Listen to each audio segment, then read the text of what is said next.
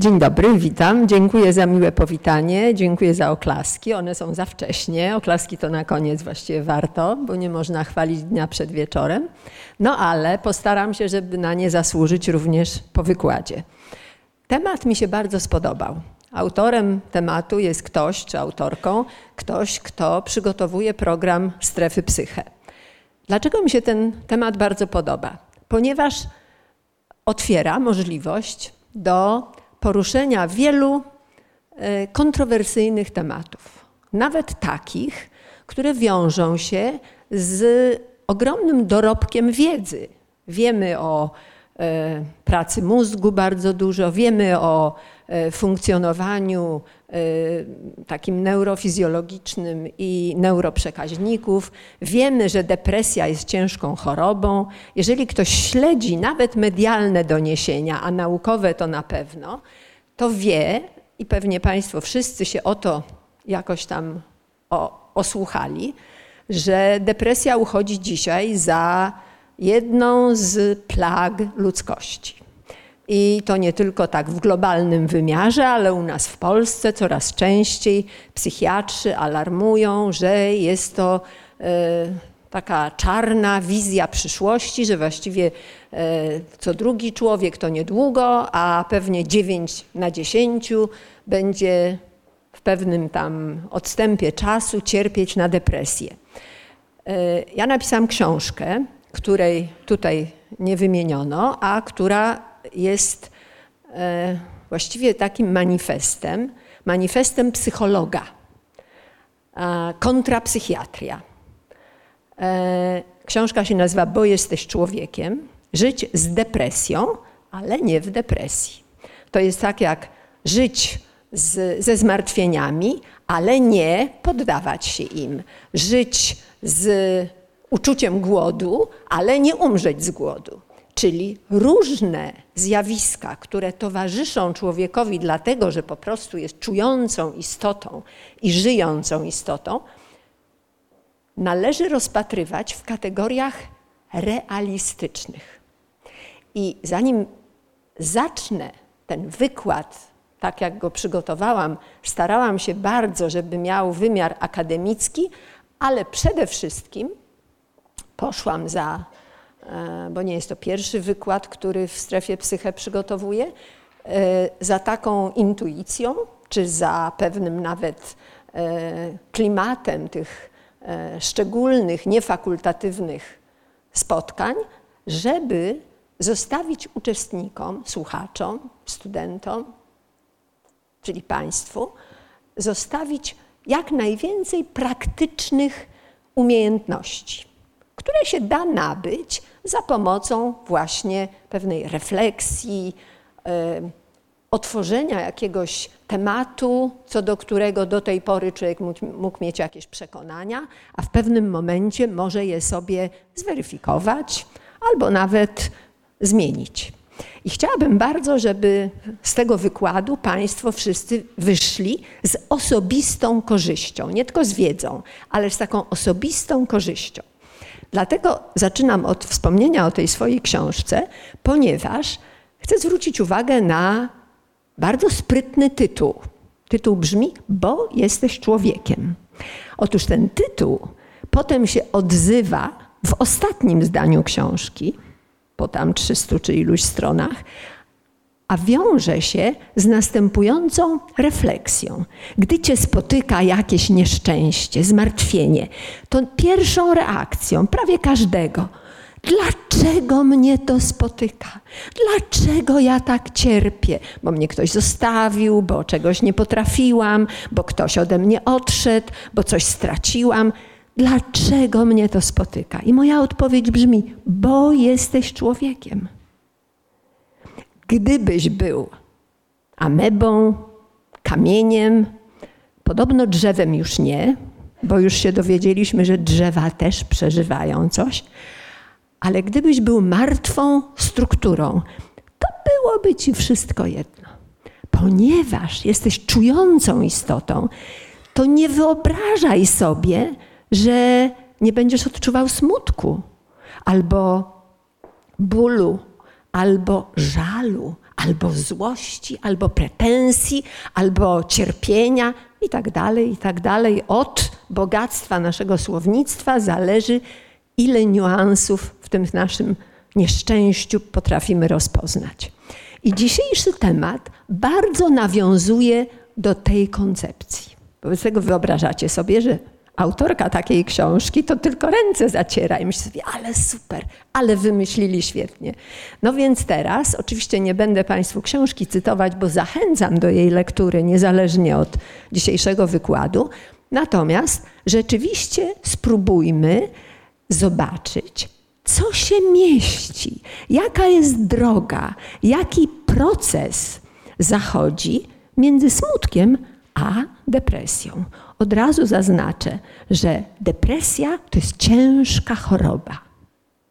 Ciężka, dlatego że bardzo trudno ją wyleczyć, dlatego że przeważnie dosyć szybko, w momencie, gdy tylko jest głęboko przeanalizowana i rozpoznana, to przeważnie już się nie da cofnąć. Można oczywiście sobie z nią jakoś radzić, ale tak czy owak będzie czymś takim jak no, po ciężkim, wielokrotnym złamaniu noga nigdy już nie będzie taka sprawna, jak byłaby, gdyby była sprężysta, zdrowa, silna. Więc zostaje coś w rodzaju kalectwa.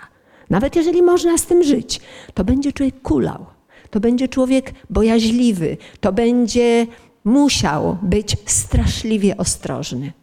A więc, zanim dojdziemy do depresji, warto prześledzić, co się dzieje, w jaki sposób ta depresja się zalęga, albo w jaki sposób ona się ukorzenia, że potem nie można, jak perzu, nie da się jej wyrwać. I teraz, moi drodzy Państwo, zobaczymy, co my tu mamy. O.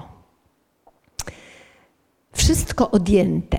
I miłość, czyli nie czuję miłości, mimo że są ci, którzy mnie kochają i których ja też kocham, albo chciałabym kochać.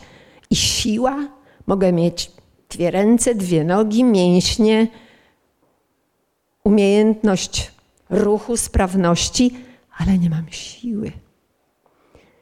W niemiłe miast przeniesione ciało. Moje ciało jest poddane jakiejś straszliwej niemocy. Mało niemocy, ale czemuś, co jest bardzo niemiłe. Ono może boleć całe. Ono może po prostu być wielkim ciężarem nie radę słońcu. Czyli tracimy jakiś atawistyczny albo jakiś biologiczny odruch podążania za światłem. Nagle w pewnym momencie coś się dzieje, że człowiek się kurczy w sobie, zamyka głowę, chowa pod poduszkę czy kołdrę i w ogóle nie reaguje na słońce. Czuje, że mi w żyłach krew wolniej płynie, jakby zastygała czyli to, co produkuje energię, to, co za pomocą czerwonych ciałek krwi, w tej poetyckiej metaforze tego nie ma, ale my jesteśmy uczeni, to my wiemy, że krew jak wolno płynie, to nie dostarcza do mózgu czego? Tlenu, po prostu. Wobec tego człowiek się robi ociężały, a jak tego tlenu jeszcze mniej dostanie, to omdlewa. Czyli w tym wierszu Anna Achmatowa, która sama cierpiała na depresję i doskonale znała ten stan, ona z użyciem kilku prostych słów, nawet nie jakichś karkołomnych metafor, ona pokazuje, co się dzieje nagle, nagle z człowiekiem i nie widzi na to wyjścia. To jest coś, co się staje takim grobem, takim ponurym stanem bezwoli. Czy to jest o smutku, czy to jest o jakiejś rozpaczy, czy to jest o tęsknocie, czy to jest o zmęczeniu. To jest czterowiersz, pięciowiersz, który oddaje pewien stan wcale nie rzadki i wcale nie obcy większości ludziom, większości z nas. Kto na przykład z czymś takim się identyfikuje, bo pamięta, że się znalazł w takiej sytuacji? No, jak Państwo to oceniają? Miał ktoś takie przeżycie, czy nie? Co jest? To po prostu niemożliwe. To tak jakbym weszła do przedszkola, do czterolatków, którzy właśnie zjedli lody i jak ich się pyta, czy byłeś kiedyś smutny, to krzyczą nie. No to coś podobnego się dzieje, ale dobrze. Niech będzie. Jeżeli nie, to nie. Idziemy dalej. Otóż ten, ten obrazek zarysowany przez poetkę y, jest właściwie dosyć łatwo rozpoznawalny dla bardzo wielu ludzi, którzy mają taką autorefleksję i na przykład przypominają sobie, o, jak groziło mi, że nie zdam do następnej klasy, to się tak czułam. Albo o, kiedy się dowiedziałam, że rodzice nie mają pieniędzy i nie dadzą mi na obóz, a ja marzyłam, żeby pojechać, o, to się tak czułam. Czyli dosyć łatwo potrafimy w swojej biografii wyszukać momenty, sytuacje, z którymi możemy się utożsamić w klimacie tego wiersza. Tutaj wyjaśniam jeszcze, idę w taką stronę dydaktyczną, że takie właśnie handry, złe humory, bo oczywiście e, nomenklatura czy opis różnych stanów emocjonalnych, które przypominają smutek albo rozpacz, albo przygnębienie, albo rozczarowanie, mogą przybierać też nieco różne, nieco odmienne charakterystyki. I my mamy w swoim własnym słowniku osobistym takie ulubione określenia. Dzisiaj często młodzież mówi mam doła, a innym razem tam ktoś cierpi na handrę, a ktoś ma zły dzień po prostu. Więc albo ktoś wstał lewą nogą. Czyli my mamy swoje określenia, które no, odpowiadają jakoś tam temperamentowi czy wyobrażeniu e, żeby ta metafora była trafna i adekwatna do naszego stanu psychicznego. Czyli te różne odmiany sytuacji emocjonalnej, w której, krótko mówiąc, człowiekowi jest źle, człowiekowi jest ciężko. Zdarzają się one każdemu. Z badań, które Chyba u profesora Czapińskiego czytałam. Nie wiem, czy to były jego badania, czy on tylko się na nie powoływał, Janusz Czapiński. Wynika, że są ludzie, którzy mają naturalną predyspozycję do częstszych stanów przygnębienia. To jest taki, taki biologiczny make-up który sprawia, że niektóre osobniki po prostu mają wyposażenie neurofizjologiczne, które funkcjonuje na obniżonym nastroju. Są też, w odróżnieniu od tych, tacy spośród nas, którzy mają naturalną predyspozycję do pogodnego usposobienia łatwo się cieszą, a tamci łatwo się martwią. I że to nie jest kwestia e, doświadczeń, przeżyć, e, na przykład niewygód życiowych albo braku przywilejów pewnych, że nie, że to według biologicznych prawideł kształtuje coś w rodzaju kolorytu osobowości, a nie w związku z jakimiś szczególnymi przeżyciami. Że na przykład trauma to pozbawia człowieka zdolności do radości. Otóż okazuje się, że wcale nie. Gdyby na to popatrzeć, tak jak podobno właśnie uczeni już rozpoznają, to byłaby to zła wiadomość. No bo co my byśmy tu robili? Jak już ktoś jest taki handrowaty, no to ma przechlapane. To już po prostu wiadomo, że będzie mu często źle, że będzie przygnębiony i że nie ma co nawet ze sobą walczyć, bo po prostu to jest tak jak kolor oczu. No ale jedni uczeni badają to, ale drudzy uczeni badają to samo i wychodzi im co innego. Ja nawet dzisiaj, w dzisiejszej gazecie wyborczej, którą kupiłam na dworcu w Poznaniu i przeczytałam w drodze do Wrocławia. Jest fragment artykułu w dziale nauka, który brzmi: Jesteś tym, czym są Twoje geny? Nie. Masz kiepski spadek po rodzicach? Nie. To przepraszamy, ale niczego w życiu nie osiągniesz. To fałszywy trop.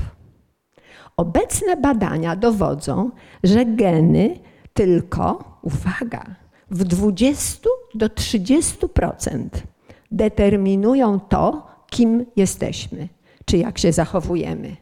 Reszta to wpływ środowiska. Choć brzmi to kusząco medialnie, nie ma genu agresji, alkoholizmu, genu socjopaty, leniucha, głupka, geniusza czy smutasa. Są pewne predyspozycje. Tego, co z nimi zrobi życie, nie da się przewidzieć, przynajmniej na razie. A ja dodam, tego w artykule już nie ma, tego, co zrobimy z tym my sami. Też się nie da przewidzieć, ale podejmowanie próby przeciwstawienia się ewentualnym predyspozycjom właściwie znamy na porządku dziennym. Przecież na przykład założę się, że co najmniej 3 czwarte, 4 piąte, 5 szóstych z Państwa zna jakiś obcy język. Przecież to jest obce naturze. Żyjesz tu, nauczyłeś się mówić tu. Jakim cudem zaczynasz mówić po hiszpańsku, po niemiecku, niektórzy po serbsku, po japońsku? A potrafimy. Co sprawia, że uczymy się obcego języka? Obcego, czyli nie mojego, odwrotnego do mnie. No co sprawia? To, że w ogóle umiemy się uczyć. A skoro umiemy się uczyć, to dlaczego się nie potrafilibyśmy nauczyć na przykład przeciwstawiać pewnym skłonnościom, które nasza natura ze sobą genetycznie jest wyposażona? Słyszycie to Państwo? I to jest bardzo dobra wiadomość. Oczywiście są granice przekraczania siebie, ale nie jest powiedziane, że Y, tak jak nie każdy, kto się uczy angielskiego, zostanie Szekspirem, ale każdy się będzie mógł porozumieć w mniejszym czy większym zakresie, bardziej czy mniej biegle w tym obcym języku. I podobnie tutaj.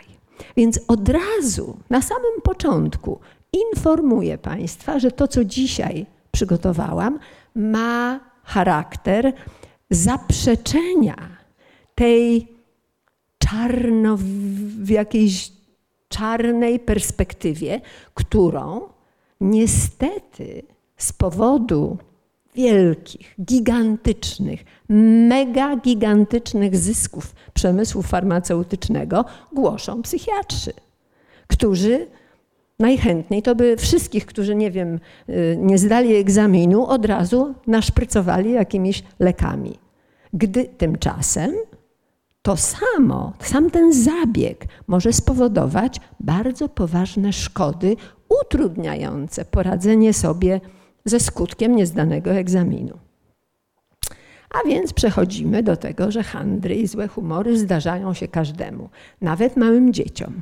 Jak macie, nie wiem, siostrzyczki, braciszki, pamiętacie siebie, widzicie dzieci, chodzicie na praktyki szkolne, to widać od razu, że Zły humor to jest część emocjonalnego wyposażenia człowieka, niezależnie od wieku czy e, zdobytych doświadczeń. Te stany obniżonego nastroju są reakcją, są odpowiedzią na niekorzystne bądź sprzeczne z naszymi pragnieniami sytuacje, fakty, zdarzenia. takie sytuacje, które nam się nie podobają, które e, godzą w nasze zaplanowane jakieś zamiary bądź oczekiwania, one wywołują jeszcze nie uczucie żadne, ale wywołują stan frustracji. To jest, e, to jest e, system nerwowy reaguje niezgodą na coś, co jest sprzeczne z naszym pragnieniem bądź oczekiwaniem. I w zależności od temperamentu, od przyzwyczajeń, od wzorów, na jakie od dziecka patrzyliśmy, możemy reagować depresyjnie, możemy reagować paniką, możemy reagować histerią, możemy reagować agresją i tak dalej. Czyli jak mi ucieka autobus, to jeden się wścieknie, a drugi będzie mówił, to ja znowu się spóźnię, co za okropne, że ja nie mogę znowu w porę wyjść z domu. Czyli zamieni to w jakieś obwinianie siebie. Kto inny powie, ale ham, zamiast na mnie poczekać, co on wyra... Czyli my możemy w różny sposób, to samo zdarzenie, ale możemy różnie na nie reagować. Otóż to samo jest z tym, że na niektóre zdarzenia już nawet nie trzeba mnożyć przykładów, tylko wystarczy powiedzieć, że każdy rodzaj przeżycia, który przypomina bądź jest jakimś typem straty, wywołuje reakcję żalu po tej stracie bądź żalu w obliczu straty. A ten żal niekoniecznie będzie łagodny, błękitny, ze łzami w oczach. Może być czerwoną furią. I to zależy od indywidualnego, biologicznego bądź środowiskowego wpływu. Bo jak moja mama zawsze wydzierała się na to, jak się coś jej nie udało, albo krzyczała i natychmiast wpadała w jakiś y, odruch takiej agresywności, to dziecko się też tego nauczy. Czyli my jeszcze na dodatek nie mamy naszych reakcji, nie możemy przypisać naszym osobowościowym cechom, tylko możemy, a im bardziej refleksyjnie myśl, na ten temat myślimy, im bardziej rozumiemy ten proces, który powoduje, że ja już jestem jakoś ukształtowana, że to wcale nie musi wynikać z moich wewnętrznych predyspozycji, tylko po prostu z tego, że ja się napatrzyłam. Napatrzyłam, przyzwyczaiłam, wydaje mi się, że tak trzeba i robię dokładnie tak samo, nawet gdy mi się to mogło nie podobać. Czyli to jest odwzorowywanie z tego pierwszego formatywnego okresu, jakim są wczesne lata dzieciństwa. Czyli na frustrację reagujemy bardzo rozmaicie, ale jeżeli zdarza się jakikolwiek fakt, który budzi w nas niezgodę, to zawsze frustracja wystąpi. No ale może też być tak, że nie ma żadnego faktu. Nie ma, nic się nie zdarzyło. Wczoraj był dobry dzień, poszłam spać, nawet nieźle spałam, coś mi się mogło śnić, ale nie pamiętam co i rano budzę się w strasznie złym nastroju. I nawet gdy mam chęć takiej introspekcji, sprawdzenia, co takiego się dzieje, o co mi chodzi, to nie mogę się doszukać. I tu, jak powiadam, mogą przyczyną takiego spadku nastroju albo jakiegoś silnie zarysowanego, zaznaczonego dyskomfortu psychicznego i fizycznego też, może być to spowodowane przez jakieś zakłócenie hormonalne, jakieś y, rozregulowanie tej płynności emocjonalnej i nagle może się dziać coś ze mną, czego nie mogę przypisać na przykład jakimś przykrym albo niepożądanym y, zdarzeniom. Tak się dzieje bardzo często, mniej więcej u połowy kobiet. Ponieważ hormonalna nierównowaga jest wpisana u młodych kobiet, ale ta młodość trwa do dzisiaj to do osiemdziesiątki. W związku z tym jest to coś takiego, że no, jeżeli się tego tak świadomie nie wie, jeżeli człowiek nie jest na to y, wyposażony w wiedzę i reaguje w sposób spontaniczny, bo na przykład jest mi źle i po prostu wtedy się zamartwiam, albo jestem kłótliwa, albo y, płaczliwa, albo ogarnia mnie stan y, ciągłej irytacji. I to powtarza się, i to trwa, a ja jeszcze nie sprawdzę, że to ma jakąś cykliczność. Na przykład cykliczność związaną z y, niedyspozycją co miesiąc. To mogę sama siebie strasznie obwiniać. I zresztą zabawne jest, bo kobiety, które wyjątkowo silnie, wyjątkowo intensywnie przeżywają te huśtawki hormonalne, to dzisiaj chodzą do psychiatry i dostają leki. I te leki jakoś tam im pomagają doraźnie, ale leki mają to do siebie, że jak je się zaczyna brać, a potem przestanie, to one dopiero wtedy powodują straszne zaburzenia i kłopoty. A nawet w momencie, gdy się zażywa leki psychotropowe, te właśnie uśmierzające jakieś zakłócenia e, regularności takiego stanu psychicznego, to one wszystkie mają skutki uboczne i te skutki uboczne, czasami one zresztą na ogół, to się Państwo w praktyce swojej psycholodzy spotkają, że będą ludzie, którzy na przykład e, mają zaburzenia psychiczne i z pomocą leków można doskonale opanować te niedobre jakieś skutki zaburzeń. I ludzie, którzy, pacjenci, którzy są powiem, ofiarami takich właśnie niedyspozycji, gdy tylko się trochę lepiej poczują, to co robią? Odstawiają leki. A jak odstawią leki, to oczywiście zaburzenie powraca. A dlaczego odstawiają leki? Przecież one nie, no nie jest jakieś yy, przykra rzecz połknąć na przykład cztery tabletki dziennie czy, czy sześć tabletek na dobę. One powodują takie skutki uboczne, które są potwornym dyskomfortem. One mają charakter zaburzeń fizjologicznych, gastrycznych, mają też bardzo często silny wpływ na libido. I nawet młode osoby całkowicie wytracają tę sferę życia.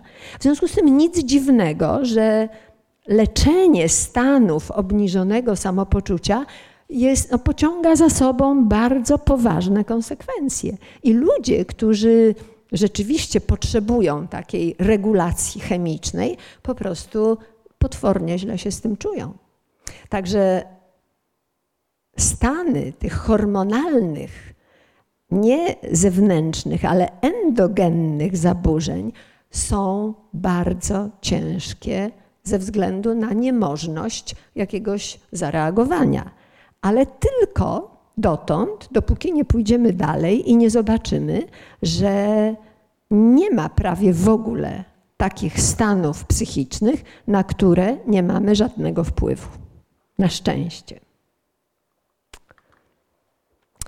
No i teraz można sobie popatrzeć na e, te plansze i zobaczyć, że jak są takie przykre sytuacje, no to w zależności od osobowości, od temperamentu i od pewnych preferencji behawioralnych możemy reagować rozmaicie. Byk zbiera się w sobie i walczy.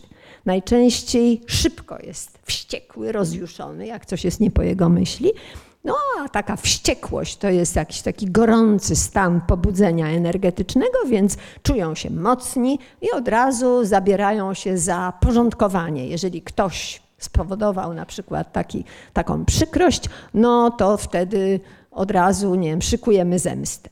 Wilk zachowuje spokój, czai się, ma sposoby, żeby odstraszyć to zło, czy tam tę przykrość, czuje swoją moc, ale nikomu nie ufa, nawet nie wykazuje wielkiej agresji, bo nie wie, czy przypadkiem nie obróci się to przeciwko niemu ale w każdym razie zaczyna świat postrzegać pod kątem ciągłych zagrożeń. Wszędzie upatruje wrogów. Pszczółka skrupulatnie stara się załatwić sprawę. przyklepuje, każdemu opowiada, szuka wsparcia, krząta się, krząta, ale w gruncie rzeczy nie załamuje się. Pszczoła to jest taka, taka e, osóbka, która te swoje e, frustracje, problemy e, tak trzyma w tych małych rączkach i jakoś próbuje nimi pokierować. Jeszcze jest myszka, tylko myszkę słabo widać. Myszka wpada w przerażenie, w popłoch ucieka, chowa się i ta strategia ucieczkowa sprawia, że bardzo na siebie tak jakby ściąga na, w sposób trwały rolę ofiary. Bo myszka jest po prostu bardzo słaba, bardzo się poddaje, ale ponieważ nie lubi bólu, no bo kto lubi ból i kto lubi być krzywdzony, wobec tego ucieka jej strategia to jest uciekanie, izolowanie się, chowanie się. No i osoby, które się chowają i uciekają od frustracji, na ogół y, nie wykorzystują możliwości. Bo tak się nauczą uciekać, że jak ktoś prosi je do tańca, nie, że mówi, że zrobi jakąś przykrość, tylko hej, chodź, bawimy się, to mówią, nie, dziś nie mam ochoty, a w ogóle to nie, bo chyba ją prosisz, oglądają się, do kogo ta wyciągnięta ręka. I bardzo często nie umieją przyjąć daru, daru, który pojawia się na jej drodze. Myszki są niedobre. Myszki często z czasem popadają właśnie w depresję. No i teraz powiedziałam już, że może można coś zrobić, może jest jakiś sposób, żeby dobre, wewnętrzne e, postawy e, generować, a przynajmniej e, pomagać im, żeby się w nas jakoś zagnieździły, żeby się nauczyć je wywoływać. No i teraz po to, żeby coś takiego w ogóle zacząć praktykować, albo żeby sprawdzić, czy faktycznie to jest w ogóle możliwe, czy ja się nadaję do tego, żeby kierować swoimi emocjami. Bo bardzo często, a emocje, zwłaszcza silne, zwłaszcza u osób, które mają temperament, zwłaszcza u osób, które, y, które są wrażliwe bardzo i reagują niezwykle intensywnie, to może powstawać takie przeświadczenie, takie wyobrażenie, że skoro ja coś czuję, to nie może być inaczej to znaczy, że to zdarzenie, czy ta osoba, czy ta okoliczność, czy jakieś moje postępowanie spowodowało, że jestem na przykład zła. Albo że oto właśnie dzięki temu, że coś się stało, to ja jestem szczęśliwa. Jeżeli ktoś ma taką wizję, jeżeli ktoś nosi w sobie takie przekonanie, to niestety dosyć trudno mu się będzie uczyć czego innego, ponieważ zakłada, że ta spontaniczność reakcji jest jedyna możliwa w danej okoliczności. No i od razu, żeby w takim momencie, jeżeli ktoś właśnie się z tym utożsamia, żeby to troszeczkę zweryfikować, to nawet nie trzeba jakichś bardzo głębokich analiz, ale proszę popatrzeć na sytuację tak. Wyobraźmy sobie, że wspólny szef pracy e, jest przemocowy, agresywny i na różne sytuacje reaguje w sposób wybuchowy. Jest taki krzykacz. I bardzo łatwo zobaczyć, że Kowalska to uszy po sobie i od razu tak, tak, ależ oczywiście dobrze zrobię. Nie, nie, nie, no już na tak szefie będzie wszystko tak, jak pan chce. Ale Malinowska popatrzy, powie, dobra, przejdzie mu, a ja idę tymczasem do domu. Prawda? Przecież my to widzimy na każdym kroku. Jest rodzeństwo w tej samej rodzinie, ten sam tata, ta sama mama i Ktoś jeden z rodzeństwa ciągle żyje w strachu, a ktoś drugi z rodzeństwa gwizdze sobie. Po prostu częściej z domu wychodzi, przyprowadza kumpli, yy, macha ręką, dobra, dobra, wykrzyczy się jej, przejdzie, kocha nas, tylko nie umie być spokojny. Czyli my widzimy to. I teraz tylko trzeba to samo zastosować w sposób introwertyczny. Czyli popatrzeć, aha, skoro Malinowska tak, a Kowalska tak, to ja mogę być w zależności od tego, co mnie bardziej służy, mogę być albo Malinowską, albo Kowalską. A dlaczego nie? I od czego to zależy? Jak ja zareaguję na przykład na autobus, który mi uciekł, albo na krzyczącą szefową, albo na to, że mi, nie wiem, oczko w rajstopach pójdzie, albo obca zła. No, od czego to zależy? Kto z Państwa tak z pierwszej lekcji na pierwszym roku psychologii powie? Od tego, co myślimy o danym zdarzeniu. Jak ja myślę, że to jest, o Boże, co się stało, koniec świata, no to na pewno będę strasznie wzburzona. Ale jak sobie pomyślę, no i co się stało? Na każdym kroku jest to samo. Co za problem? To oczywiście, że zareaguję, ale bez tego ekstremum. Czyli można mieć emocje lepsze, gorsze, przykre, miłe, różne, ale one nie będą tą protuberancją, która ścina mi moją własną głowę, bo już do białości jestem rozpalona, albo ze smutku, albo ze strachu, albo z rozpaczy, albo, albo z radości. Czyli w zależności od tego, jaki mamy stosunek do tej sprawy, to wychodzi, że można albo bardzo się tym przejąć, albo nie bardzo. I oczywiście to zależy jeszcze od wyrobienia. No ale wyrobienie to jest kwestia treningu, no trzeba się wyrobić, trzeba dużo myśleć, trzeba się zastanawiać, czy jak mam stłuczkę samochodową, to jest koniec świata, czy może nie jest koniec świata. Czy mogę iść na lody, jak zarysuję bagażnik czy drzwi? Czy, no, czy mogę pójść na lody albo do kina? Czy może nie, już nie, no co ja teraz zrobię, bo jak ja powiem mamie, a jak ja powiem jemu? Czyli to wszystko od tego też zależy. A z kolei, czy my jesteśmy myślący, refleksyjni, realistyczni, to jest kwestia, no ja uważam, że decyzji. Bo jak ktoś mi powie, no nie, nie wiesz, ale ja już taka jestem, no to mówię do widzenia, przepraszam, musimy się pożegnać, bo nie ma, nie ma żadnej możliwości przekonania kogoś, kto jest wykuty w kamieniu. Jest takie świetne powiedzenie, że mm, człowiek jest jak spadochron. Działa wyłącznie wtedy, kiedy jest otwarty. Czyli w momencie, gdy ktoś się przyzwyczai albo uprze, że jest taki, bo taki jest. I nie, nie, dla mnie nie ma szansy. Ja wybaczyć mu? Nigdy w życiu. No to, to faktycznie, no to zostawiasz. No jak nie, to nie, no to już trudno. Czyli trzeba wszystkim zobaczyć, że taka postawa jest bardzo niekorzystna.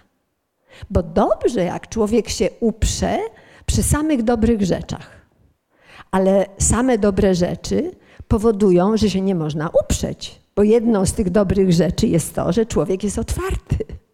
Czyli po prostu sine qua non. Jeżeli nie jesteś otwarta na to, że można coś zmienić, własny sposób myślenia, popatrzenie na dane zdarzenie, a jak samej w głowie nie możesz sobie tego ułożyć, to pytasz koleżankę, mówisz, słuchaj, no i co ty o tym sądzisz? Kochana, to się zdarza każdemu.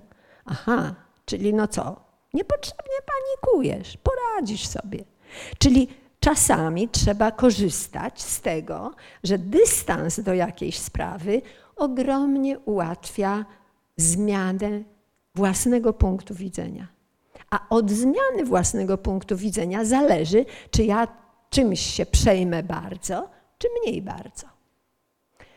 Teraz jaka jest korzyść z tego, że się przejmę mniej bardzo?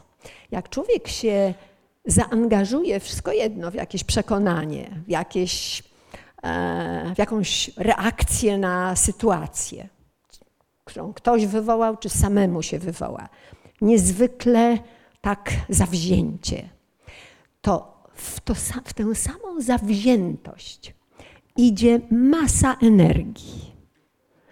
Nawet czujemy to, jak człowiek jest taki, to mięśnie, wszystko jest spięte. A to wszystko powoduje, że jak się za jakiś czas rozluźnię, to mam w ogóle ból, jak po godzinnym treningu na siłowni.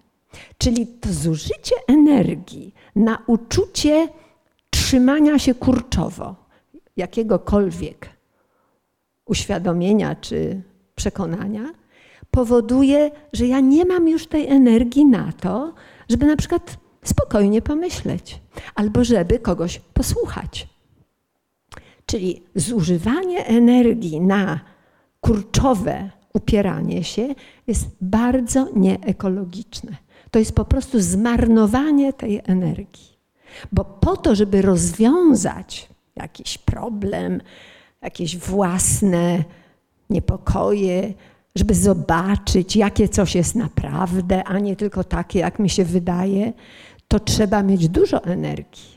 Trzeba mieć spokój, a nawet jeszcze mędrcy uważają, że najbardziej pomaga w radzeniu sobie z trudnymi sytuacjami, na przykład taka rzecz jak poczucie humoru, pogoda ducha, wiara w jakieś wyższe od siebie samego. To może być Bóg, to może być przekonanie, że nie ja mam rację, tylko kto inny może mieć rację, czyli odpuścić, jak gdyby wy, wyluzować, czasami to się nazywa.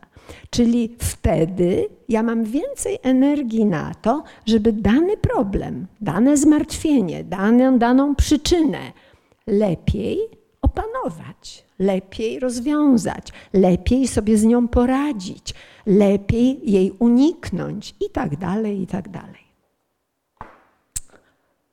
No i właśnie, jakie sytuacje trzeba by zobaczyć, wziąć kartkę papieru od czasu do czasu, albo serwetkę w kawiarni, albo usiąść z przyjaciółką, czy z przyjacielem, czy z własną mamą, jak jest rozumna i ciepła, i po prostu pogadać. A powiedz mi, mamo, jaka ja jestem. Powiedz mi, jak to ze mną jest, jak ty mnie widzisz.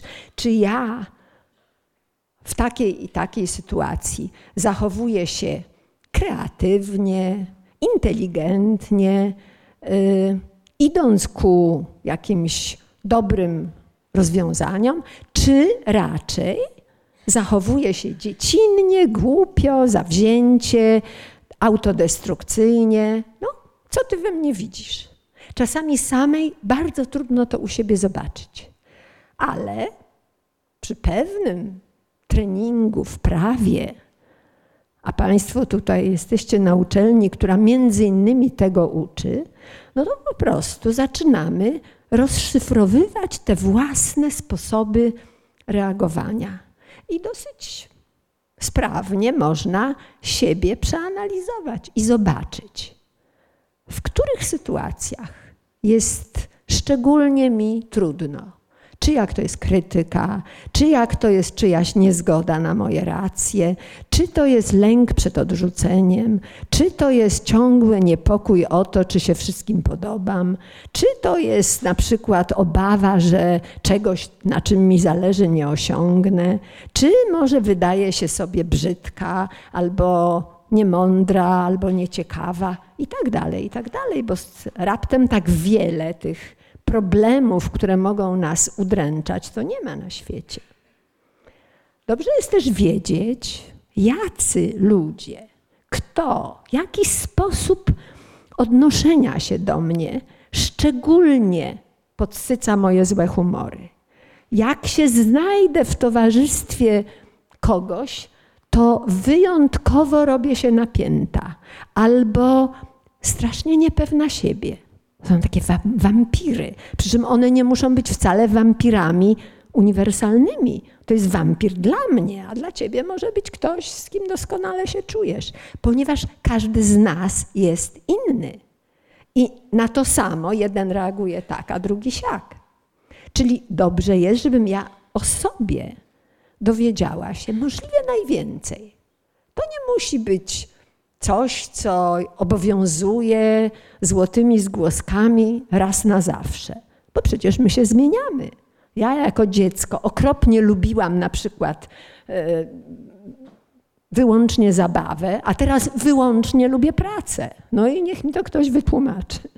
Kiedyś jako dziecko moja mama mi zawsze mówiła, nawet używała takich, Boże, ile ja lat życia przez Ciebie marnuję, bo nie mogła mnie się rano dobudzić.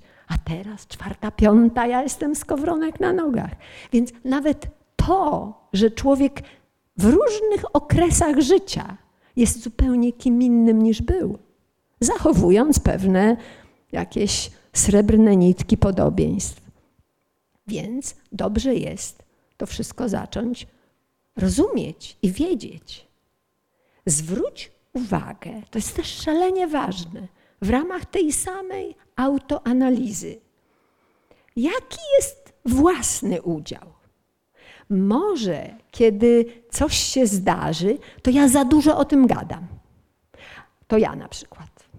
I czasami jakieś bolesne, przykre zdarzenie, coś, co mnie zabolało, ja wydłużam ten ból, bo po prostu każdemu, kogo spotykam, muszę to opowiedzieć. I sama to zauważyłam. Więc teraz, ponieważ tak mnie w życiu dużo złych rzeczy nie spotkało, ale jak mnie raz spotkało, no to właśnie miałam taką obserwację. I nagle okazuje się, że ja sama mam klucz. Klucz do tego, żeby zamknąć ten niedobry stan albo go otworzyć. I nawet można to przetestować. Robimy dyspensę, jesteśmy w, przez, nie wiem, kilka dni czy parę tygodni na takim odwyku. No dobra. I czuję się jako tako, tu mi coś dzwoni po głowie, ale właśnie ja to naprawdę na sobie sprawdziłam. Ale jakoś tak jakbym odpłynęła od tamtej siebie, takiej nieszczęsnej, obolałej, takiej skrzywdzonej, takiej, ach, jakiej cierpiącej. No ale potem myślę sobie, hmm, no to już mi przeszło. No to zaczynam robić coś, co właśnie mi się wydawało, że to podsyca. Czyli wracam do tematu. Parę godzin, parę minut nawet wystarczy, żebym ja się znalazła dokładnie w tym samym miejscu, w tym samym obolałym stanie, w tym samym granicznym punkcie rozpaczy. Czyli nawet taka obserwacja, a nią się dzielę, bo naprawdę ja to na sobie sprawdzam, to bardzo dużo zależy od nas. Tylko, że u mnie to jest na przykład gadanie o czymś, i im więcej będę mówić, jak to okropnie, to tym okropniej się czuję. A u niektórych to może być nie gadanie, to może być myślenie, a u jeszcze niektórych to może być na przykład zastanawianie się, i to jest największa, największa pułapka. To jest zadawanie tego pytania, które po prostu krwawi na niebie, na firmamencie. Dlaczego on mi to zrobił?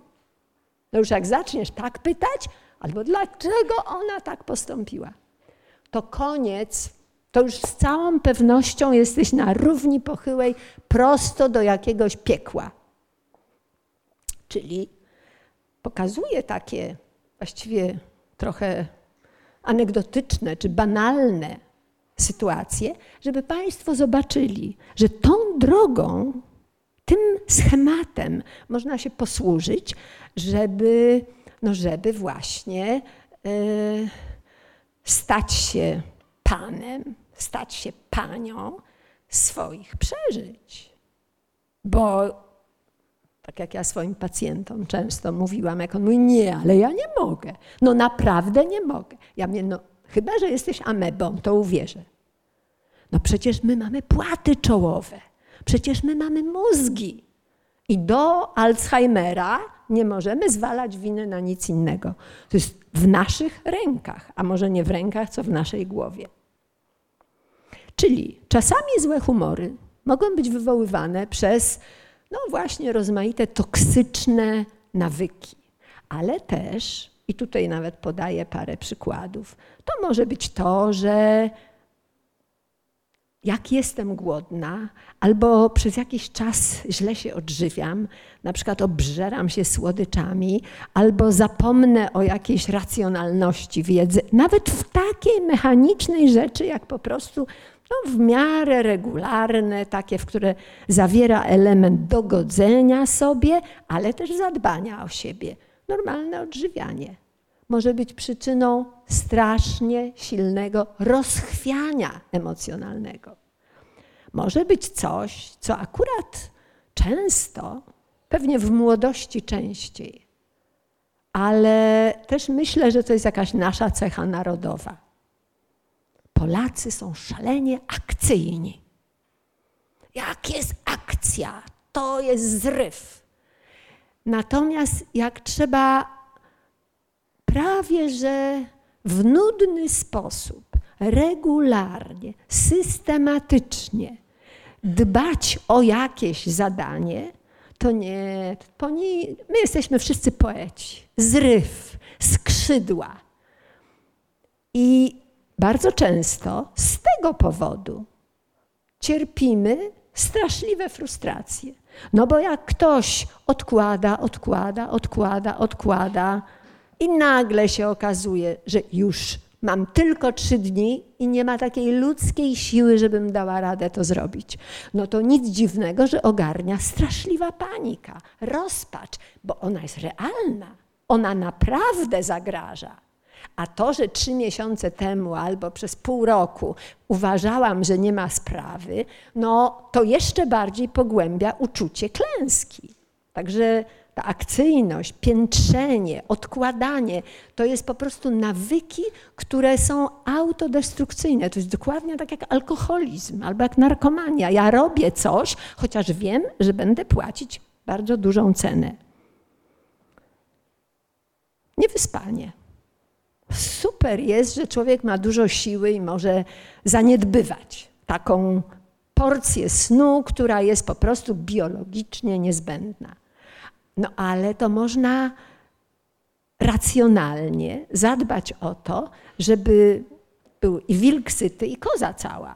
Czyli od czasu do czasu zaszaleć i zarwać, nie nawet dwa tygodnie. Ale jednak nie może to być eksploatowanie siebie do granic, w których następuje normalnie wypalenie, wypalenie energetyczne. A to się często dzieje właśnie dlatego, że no znowu tak jak piętrzenie zadań, jak odkładanie na później, to jest kiedyś tam wypocznę. A na razie tu bal, zabawa, jakieś pomysły szalone, czyli nawet takie drobne rzeczy wydawałoby się, do co ty w ogóle mówisz, no przecież to jest normalne życie.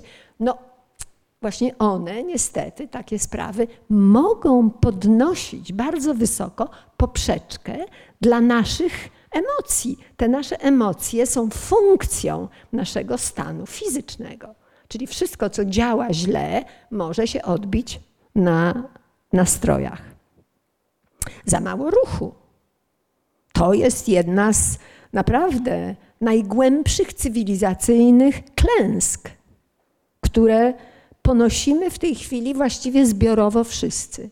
Gdzie niegdzie budzi się już jakaś świadomość, ale to jest no, banał, że człowiek, który prowadzi taki siedzący tryb życia, taki nieruchliwy, nie chodzi o siedzenie tylko, ale o nieruchliwość, że będzie się gorzej czuł. Po prostu. Wiecie Państwo, co dają na oddziałach depresji w Niemczech, w Belgii, chyba w Szwajcarii, jako tak, razem ze szczoteczką do zębów, czy tam, nie wiem, kubkiem dla pacjentów, którzy przy, są przyjmowani na oddział psychiatryczny, na oddział leczenia depresji, dają dres i buty do biegania. I nawet osoby po próbie samobójczej w wieku 60 lat, które są po prostu zombie, zamulone lekami i w ogóle ledwie się poruszają, są w ogóle w stanie jakiejś takiej depresyjnej katatonii, to im się opłaca zatrudnić studentów, instruktorów, którzy wezmą depachę i po prostu z taką staruszeczką po bieżni, nie wiem, 20 metrów będą na razie posuwistym ruchem te nogi ledwie, ledwie szuflują, ale po dwóch, trzech tygodniach taka osoba może całkowicie bez leków funkcjonować, która po 20 lat była na antydepresantach. Czyli proszę zobaczyć, już na świecie wiadomo, że jest to czynnik leczniczy. A co dopiero, jak ktoś nie jest chory na depresję? No to tym bardziej i się może sam poruszać, to po prostu jest zbrodnią odbieranie sobie najprostszego sposobu, który wywołuje ten hormon szczęścia, który jak się nazywa? Endorfiny. A on jest produkowany wyłącznie w momencie, gdy następuje energetyczne pobudzenie organizmu fizycznego. Po prostu w czasie biegania, w czasie pływania, w czasie jazdy na rowerze, to jak się mówi, do pierwszego potu. Czyli musi być ten ruch intensywny. To jest na przykład, nie wiem, wejść trzy razy na trzecie piętro. To w ogóle nic nie kosztuje. Trwa 15 minut góra. O czym my mówimy? A to jest źródło takiego naturalnego rozbudzenia naszego własnego ciała, które będzie nas bronić przed złym samopoczuciem, handrą, czymś tam jeszcze. Za mało przyjaźni. Nawet jak mamy kolegów, znajomych, przyjaciół, to nie cieszymy się tym. Nie robimy wszystkiego, żeby z tego korzystać. Nie mówię, że wszyscy, ale bardzo wielu ludzi. Na pytanie, a z kim rozmawiasz o swoich dobrych i niedobrych przeżyciach? Nie, no co, co to kogo obchodzi? No do kina to pójdziemy. Nie, mam przyjaciółki, mam przyjaciół. To czasem wyskoczymy na piwo, fajnie jest. Ale to jest, to jest takie, tak jakbyśmy mieli skarb i nie otwierali szkatułki. Czyli kiedyś położyłam, ale nawet nie wiem, co to jest. Albo mieli dziecko, ale nie nadali mu imienia. I no, no jest, niech sobie będzie. To jest po prostu niebudowanie tego, z czego składa się ludzkie szczęście. A jak jest ludzkie szczęście, no to za tym szczęściem idzie też wsparcie, pomoc, ratunek, urozmaicenie, czyli ta przyjaźń, która, no zresztą jeszcze później o tym będziemy mówić e, w dalszym ciągu, specjalnie osobno, ale ta przyjaźń jest e, rękojmią, Y, obrony przed załamaniem. Wszelkim. Nawet powiada się, że nikt nigdy nie popełnił samobójstwa, kto miał przyjaciela. Ponieważ to jest tak jakby, jakby, jakby była to sprzeczność. Przy czym może być bardzo wielu ludzi, którzy uważają ciebie za przyjaciela czy przyjaciółkę, ale ty chowasz się z tym, co jest bólem, czyli w gruncie rzeczy nie korzystasz z tej przyjaźni. Możesz, i tak na przykład się zdarzyło, nie wiem, Marilyn Monroe, albo e, Robin Williams, albo y, dużo. No i Dobre rozrywki, plan na co dzień to już, jak mój wnuczek mówi, babciu, to banalne. No więc tak. Między smutkiem a depresją jest ocean. Ale zanim wypłyniemy na ocean, bo tam już trzeba mieć naprawdę kunszt nawigacji. To może warto, zanim w ten rejs wypłyniesz, to może by warto na brzegu jeszcze wykonać pracę, która będzie, będzie przetestowaniem przetestowaniem samego siebie na wypadek tego, co się może zdarzyć na oceanie, kiedy już ratunek będzie bardzo trudny. Czyli zauważaj pierwsze sygnały. Wcześniej mówiłam, poznaj siebie, w jakich sytuacjach przeżywasz najgłębsze albo najczęściej stany psychicznego obniżenia nastroju, załamania, zniechęcenia, przykrości, nudy, no wszystkie takie bolesne, negatywne stany. No i tutaj daję parę przykładów, ale oczywiście każdy może sobie na swojej własnej karteczce czy w telefonie szybciuteńko wypisać swoje własne sygnały, które zapowiadają, że dzisiaj jest mm, mm, kiepsko, ale jeżeli ja nic nie zrobię, to jutro będzie pogłębienie. Na przykład, co robisz? Jak zareagujesz? Na drobiazg. No po prostu masz płaczliwy nastrój, jakoś użalasz się nad sobą, siadasz, myślisz, co ci się w życiu nie udało, nawet bardzo dawno. Chociaż ci się potem bardzo dużo rzeczy udało. Ale no nie, jednak kiedyś to nawaliłam z tym. No a kiedyś to w ogóle taką plamę dałam, że nie wiem. No tak, jestem do niczego, bo w szóstej klasie czegoś tam nie zrobiłam albo ktoś mnie nie polubił. Czyli czasami mamy nagły przypływ takiego, takiej nostalgii negatywnej, związanej z własną osobą.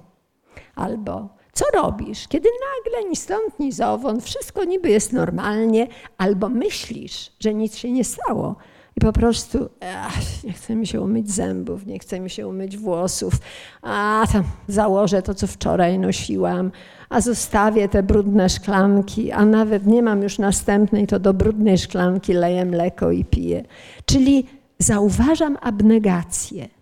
Coś takiego, co pokazuje, że ja siebie bardzo nie lubię. Że jestem w stosunku do siebie niemiła, obojętna, niechętna nawet. Czyli jak coś takiego zauważam, to to powinno oznaczać, że jakaś czerwona lampka zaczyna pulsować. I trzeba to po prostu zaaplikować. Trzeba to włączyć ten program. Dlatego, że takie sytuacje, takie drobne, wydawałoby się, no dobra, o co chodzi, jeden dzień, no taki mam. No dobrze, ale jeżeli nic nie zrobisz, to prawdopodobnie skutki tego będą konsekwencjami, które zamienią się w kolejne powody do tego, że będziesz miała złe samopoczucie. Bo jak wyjdziesz w niechlujnym stanie, i jakaś koleżanka powie, o, wiesz co, chciałam cię teraz zaprosić, bo właśnie idę do e, kogoś tam, ale nie, no widzę, że jesteś nie w formie. No to cześć, pa. I to się, ja jakaś idiotka jestem. No ale za późno, za późno. Ale mogą być inne jakieś. No właśnie coś się nagle dzieje. Tu królewicz na białym koniu przejeżdża, patrzy. Eee, tego to ja nie będę zaczepiać. Czyli przejeżdża złota kareta, nie możesz wsiąść, bo biletu nie kupiłaś. I po prostu czasami to jest tak, że ten drobny sygnał zwiastuje. On jest takim, takim messengerem, takim posłańcem, który mówi: hej, weź się, zrób coś, teraz ci łatwo. To jest 10 minut i będziesz trim. A tak, no to nie wiadomo, w którą stronę to pójdzie. Albo wiadomo, że jak teraz jest źle, no to, to, to się to jeszcze pogorszy. Święty Paweł w liście do Rzymian ma taką inwokację do Boga. Przeczytajcie sobie w Nowym Testamencie.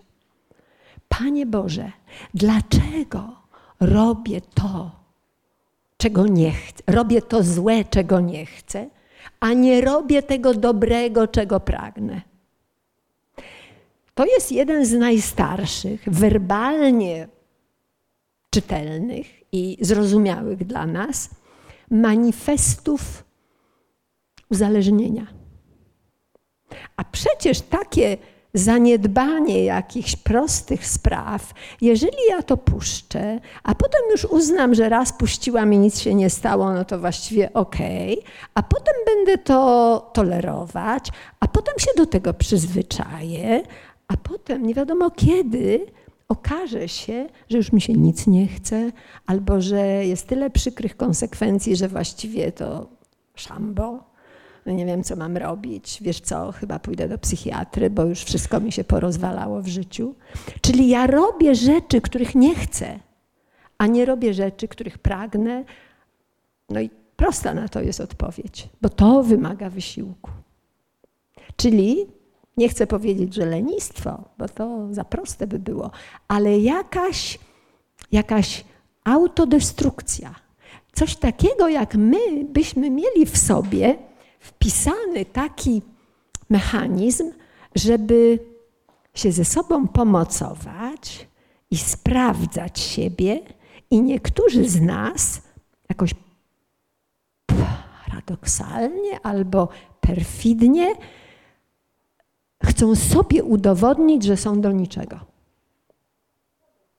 Prawda? Coś takiego. I no i jak już chcesz coś sobie udowodnić, a ponieważ każdy lubi mieć rację, no to jak chcesz sobie udowodnić, że jesteś do niczego, to z całą pewnością, z pewnym wysiłkiem doprowadzisz do tego, że faktycznie będziesz do niczego. Czyli te sygnały, takie pierwsze, to one są no właśnie takim komunikatem, to jest taki szept jeszcze się tego nie boję. No co tam, głowy nie umyłam dzisiaj, jestem królowa oleju słonecznikowego i nie mam się co martwić. Tak, ale potem będzie mi dużo łatwiej, tak jak święty Paweł mówi, Panie Boże, czemu nie robię tego, czego pragnę? Chcę dobrze wyglądać, ale puszczam to. Więc to ma taką moc, taki właśnie sposób. Na przykład nie odzwaniasz do miłych osób. No rzeczywiście, patrzę w telefonie, o, Asia, fajnie. Kiedy indziej. A wiem, że to jest ktoś, kto ma coś miłego, coś dobrego, coś wesołego do powiedzenia. Nie, tam. ona to zawsze taka zadowolona. Nie, nie będę z nią gadać. Czyli sama sobie funduje sabotaż. Ponieważ jest mi źle, no to będzie jeszcze gorzej. Zostajesz w domu, chociaż jakieś masz zajęcia. Coś komuś obiecałaś, albo właśnie widziałaś ogłoszenie, że jest jakaś fajna wystawa, albo właśnie masz zaproszenie na, nie wiem, premierę filmu. Eee, to pójdę kiedy indziej. Czyli sabotaż tego, co przyniosłoby tobie możliwość tego odbicia się od niedobrego nastroju. No, już nie mówiąc o tym, że kwiatki masz, nie zmieniasz wody. O Jezu, jak to cuchnie, chyba wyrzucę. No dobra, niech stoją. I ten człowiek tak, tak jest cały czas potem osaczony symbolami, bo one nie muszą faktycznie mi psuć czegoś, ale są takimi symbolami jak przepocony sweter. No niby ładny, no piękny, nie no w ogóle, a ile kosztował? nie mogę. No dobra, zakładam. Czyli robię sama sobie coś, co potem odbije się w sposób już nie tak łatwy do pokonania. No, już z jedzeniem na przykład może być coś takiego, że a, w ogóle nie chce mi się chleb ze sztucznym miodem, no ale za to bochenek naraz. Albo coś tam. Czyli no, albo odwrotnie, w ogóle nic nie będę jeść. Jakaś taka anoreksja, sobie na złość. To wszystko ma swoje przyczyny prawdopodobnie, ale nawet jeżeli ma, to tym bardziej trzeba się wzmocnić, wygenerować energię, poszukać wsparcia po to, że jeżeli jest coś, co faktycznie jest trudne do załatwienia, żeby w ogóle to ruszyć. No albo takie bierne, gapisz się w telewizor, w kółko, jakieś głupoty na Facebooku siedzisz, czy w innym tam Twitterze. E, nie wstajesz z łóżka, no bo mam wolne, no to da, tam faktycznie ładna pogoda. No, żeby nie denerwowało, to zasłaniam okna. Po prostu sobie na złość. I zwracam na to uwagę, bo to są rzeczy, które właściwie każdemu się zdarzają. Właściwie każdy, nawet jeżeli się nie zdarzają, to każdy jest potencjalnie materiałem do tego, że może być narażony. No nie mówiąc o tym, że last but not least, to nagle piwkuję bez przerwy, bo przynajmniej wtedy mam jakiś taki sztuczny rausz. A że przy okazji jest mnóstwo spraw niezałatwionych, że jakieś pozawalane terminy, że czegoś nie zrobiłam, że wyglądam jak upiór, to nic nie szkodzi, ale przynajmniej trochę sobie dodam animuszu. No i to oczywiście nie rozwiąże, tak jak anonimowi alkoholicy mają całą masę różnych fajnych spostrzeżeń i oni mówią tak, alkohol? Alkohol rozwiązuje wszystko. Umowę o pracy, małżeństwo.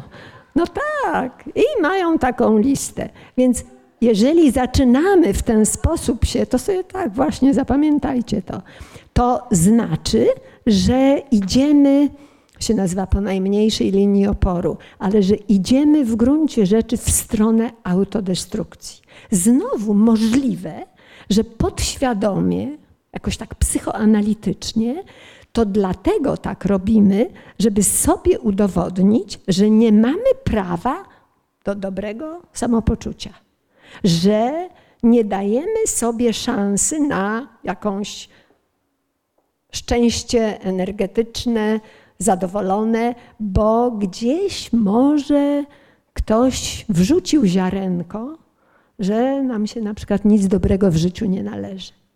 I wprawdzie nie, no nie lubimy tej osoby, pamiętamy to jako okropne, ale a właściwie to chyba miał rację. Jak tak mówił, to na pewno miał rację.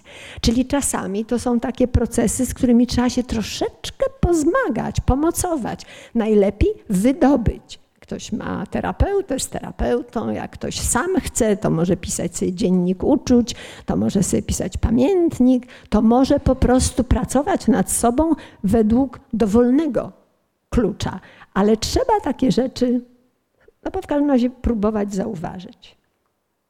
No i oczywiście odwrotnością poprzedniego e, tematu jest to, fantastycznie jest, i zaraz Państwu opowiem, jaka się z tym anegdota wiąże, ciekawa, po prostu każda świadoma, przytomna, dorosła, bo pewnie dziecko to tam za mało jeszcze uzbiera takich doświadczeń, ale my wszyscy doskonale powinniśmy wiedzieć, kiedy ci się poprawia samopoczucie?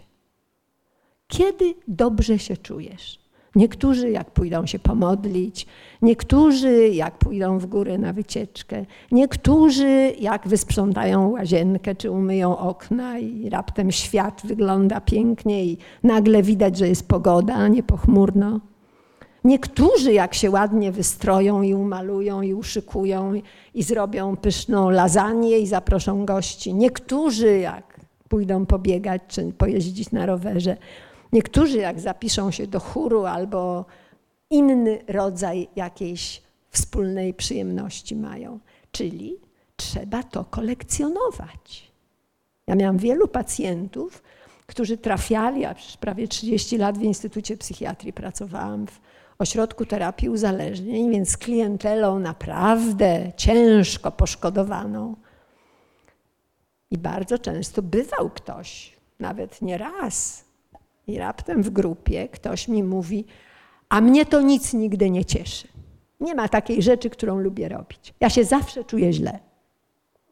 No, jak ktoś 20 lat pił, czy 15, to już ma tak zlasowany ten mózg, że rzeczywiście tam już żadna endorfina w ogóle się nie pojawi. Więc faktycznie cierpią na coś, co ma nazwę w psychiatrii anhedonia. To jest, że w ogóle żadnej przyjemności nie czuje. Ani w seksie, ani w słodyczach, ani w pięknej pogodzie, ani w podarunkach, ani w wygranej miliona. Po prostu nic nie cieszy.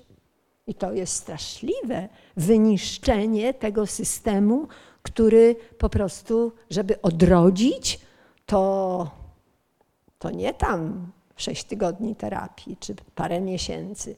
To jest lata jakiegoś, jakiegoś zaczynania od początku.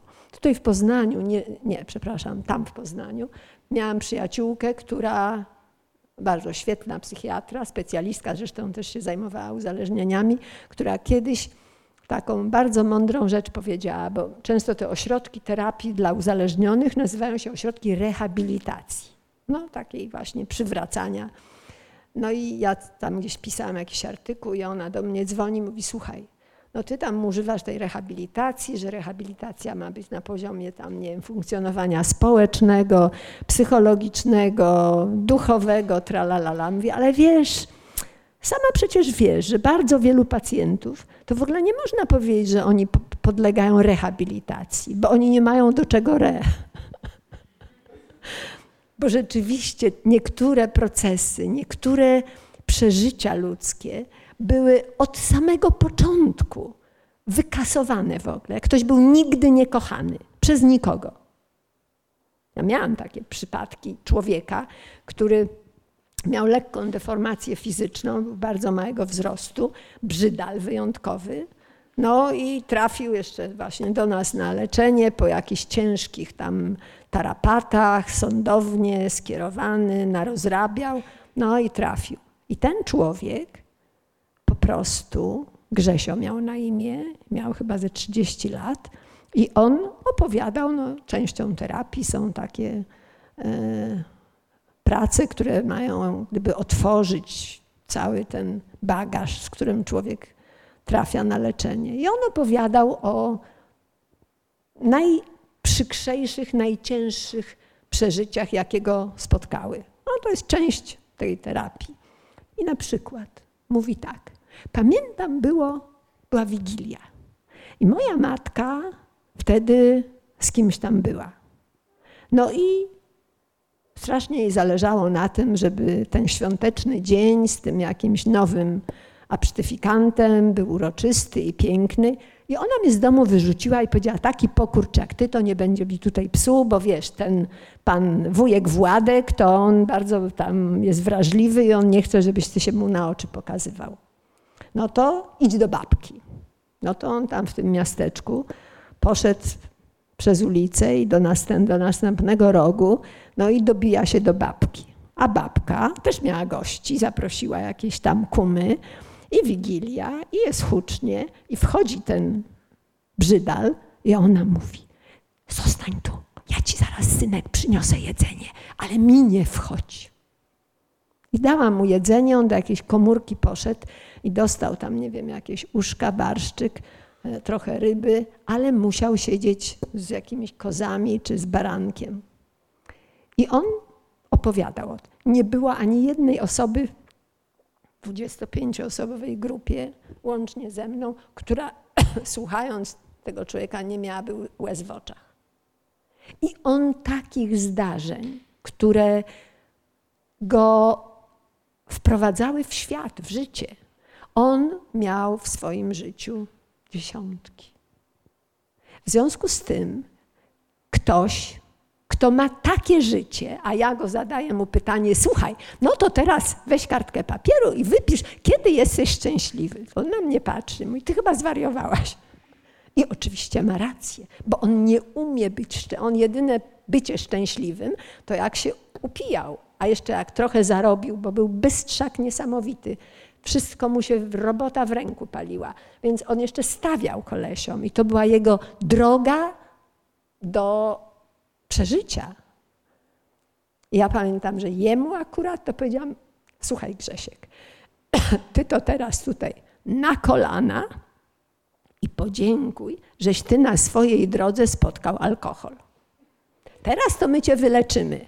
Ale gdybyś ty alkoholu nie spotkał, to ty byś musiał popełnić samobójstwo. No bo nie? Prawda? Psychologowie państwo, co uważacie? Czyli jeżeli ktoś ma taką czarną pustkę w swoim życiu, no to oczywiście, że no niewiele tam ma tych doświadczeń, które byłyby e, wskazówką, w jaki sposób e, odbudować ten jakieś dobre samopoczucie. W ogóle te, te, tego słownika nie mają. W ogóle ten departament u nich jest zamknięty na cztery spusty. Ale ze mną to tak łatwo nie jest, ponieważ ja wtedy mówię, no dobra, okej, okay, do dzisiaj było tak, ale od dzisiaj to będzie inaczej. Mam rację czy nie? Może tak być czy nie? No pewnie, bo od kogo to zależy? Jak do tej pory nic mnie dobrego nie spotkało i po prostu nie wiem, co może mi sprawić radość, no to zaczynam próbować od dzisiaj.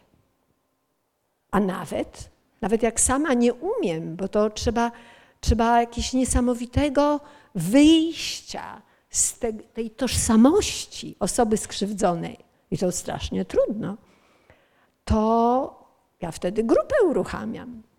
Można na własnym przykładzie to zrobić. Ja mówię, no dobra, to kto mi powie, może, może już widzieliście, czy były jakieś sytuacje, Grzesiek tu jest już dwa i pół tygodnia, w których widzieliście, że on, no, tak trochę poweselał. Było czy nie? No tak, jak mu herbatę przyniosłem. No tak, jak on tam coś zrobił. A jak wysprzątał schodki z liści, to w ogóle chodził i się chwalił do wieczora. No już.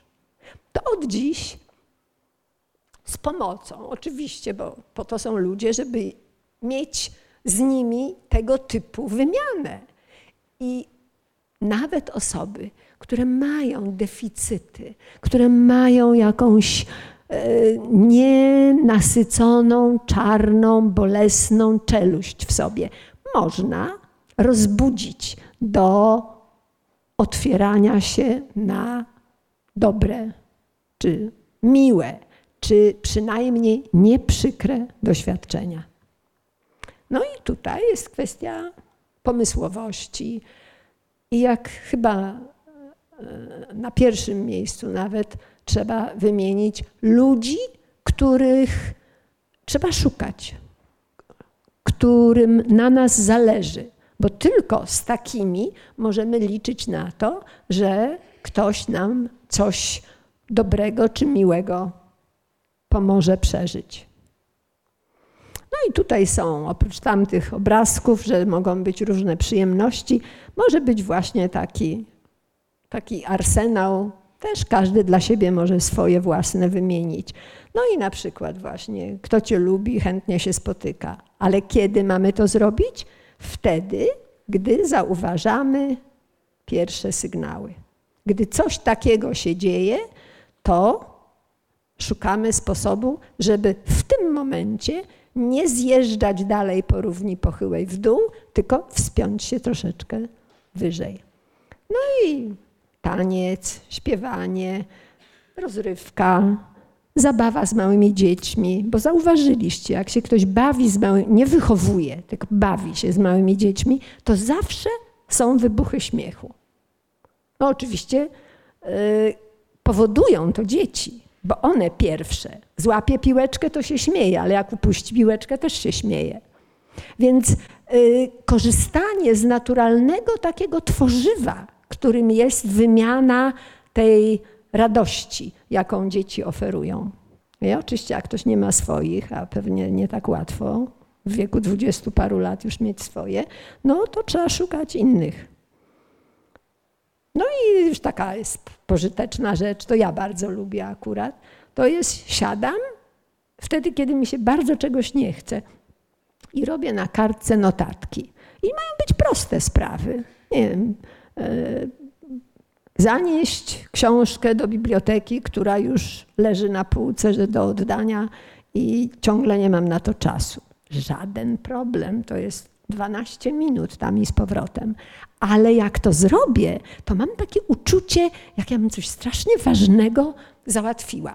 No i sam ten fakt, zawsze warto zaczynać takie, e, takie po, poprawianie sobie samopoczucia od rzeczy bardzo łatwych.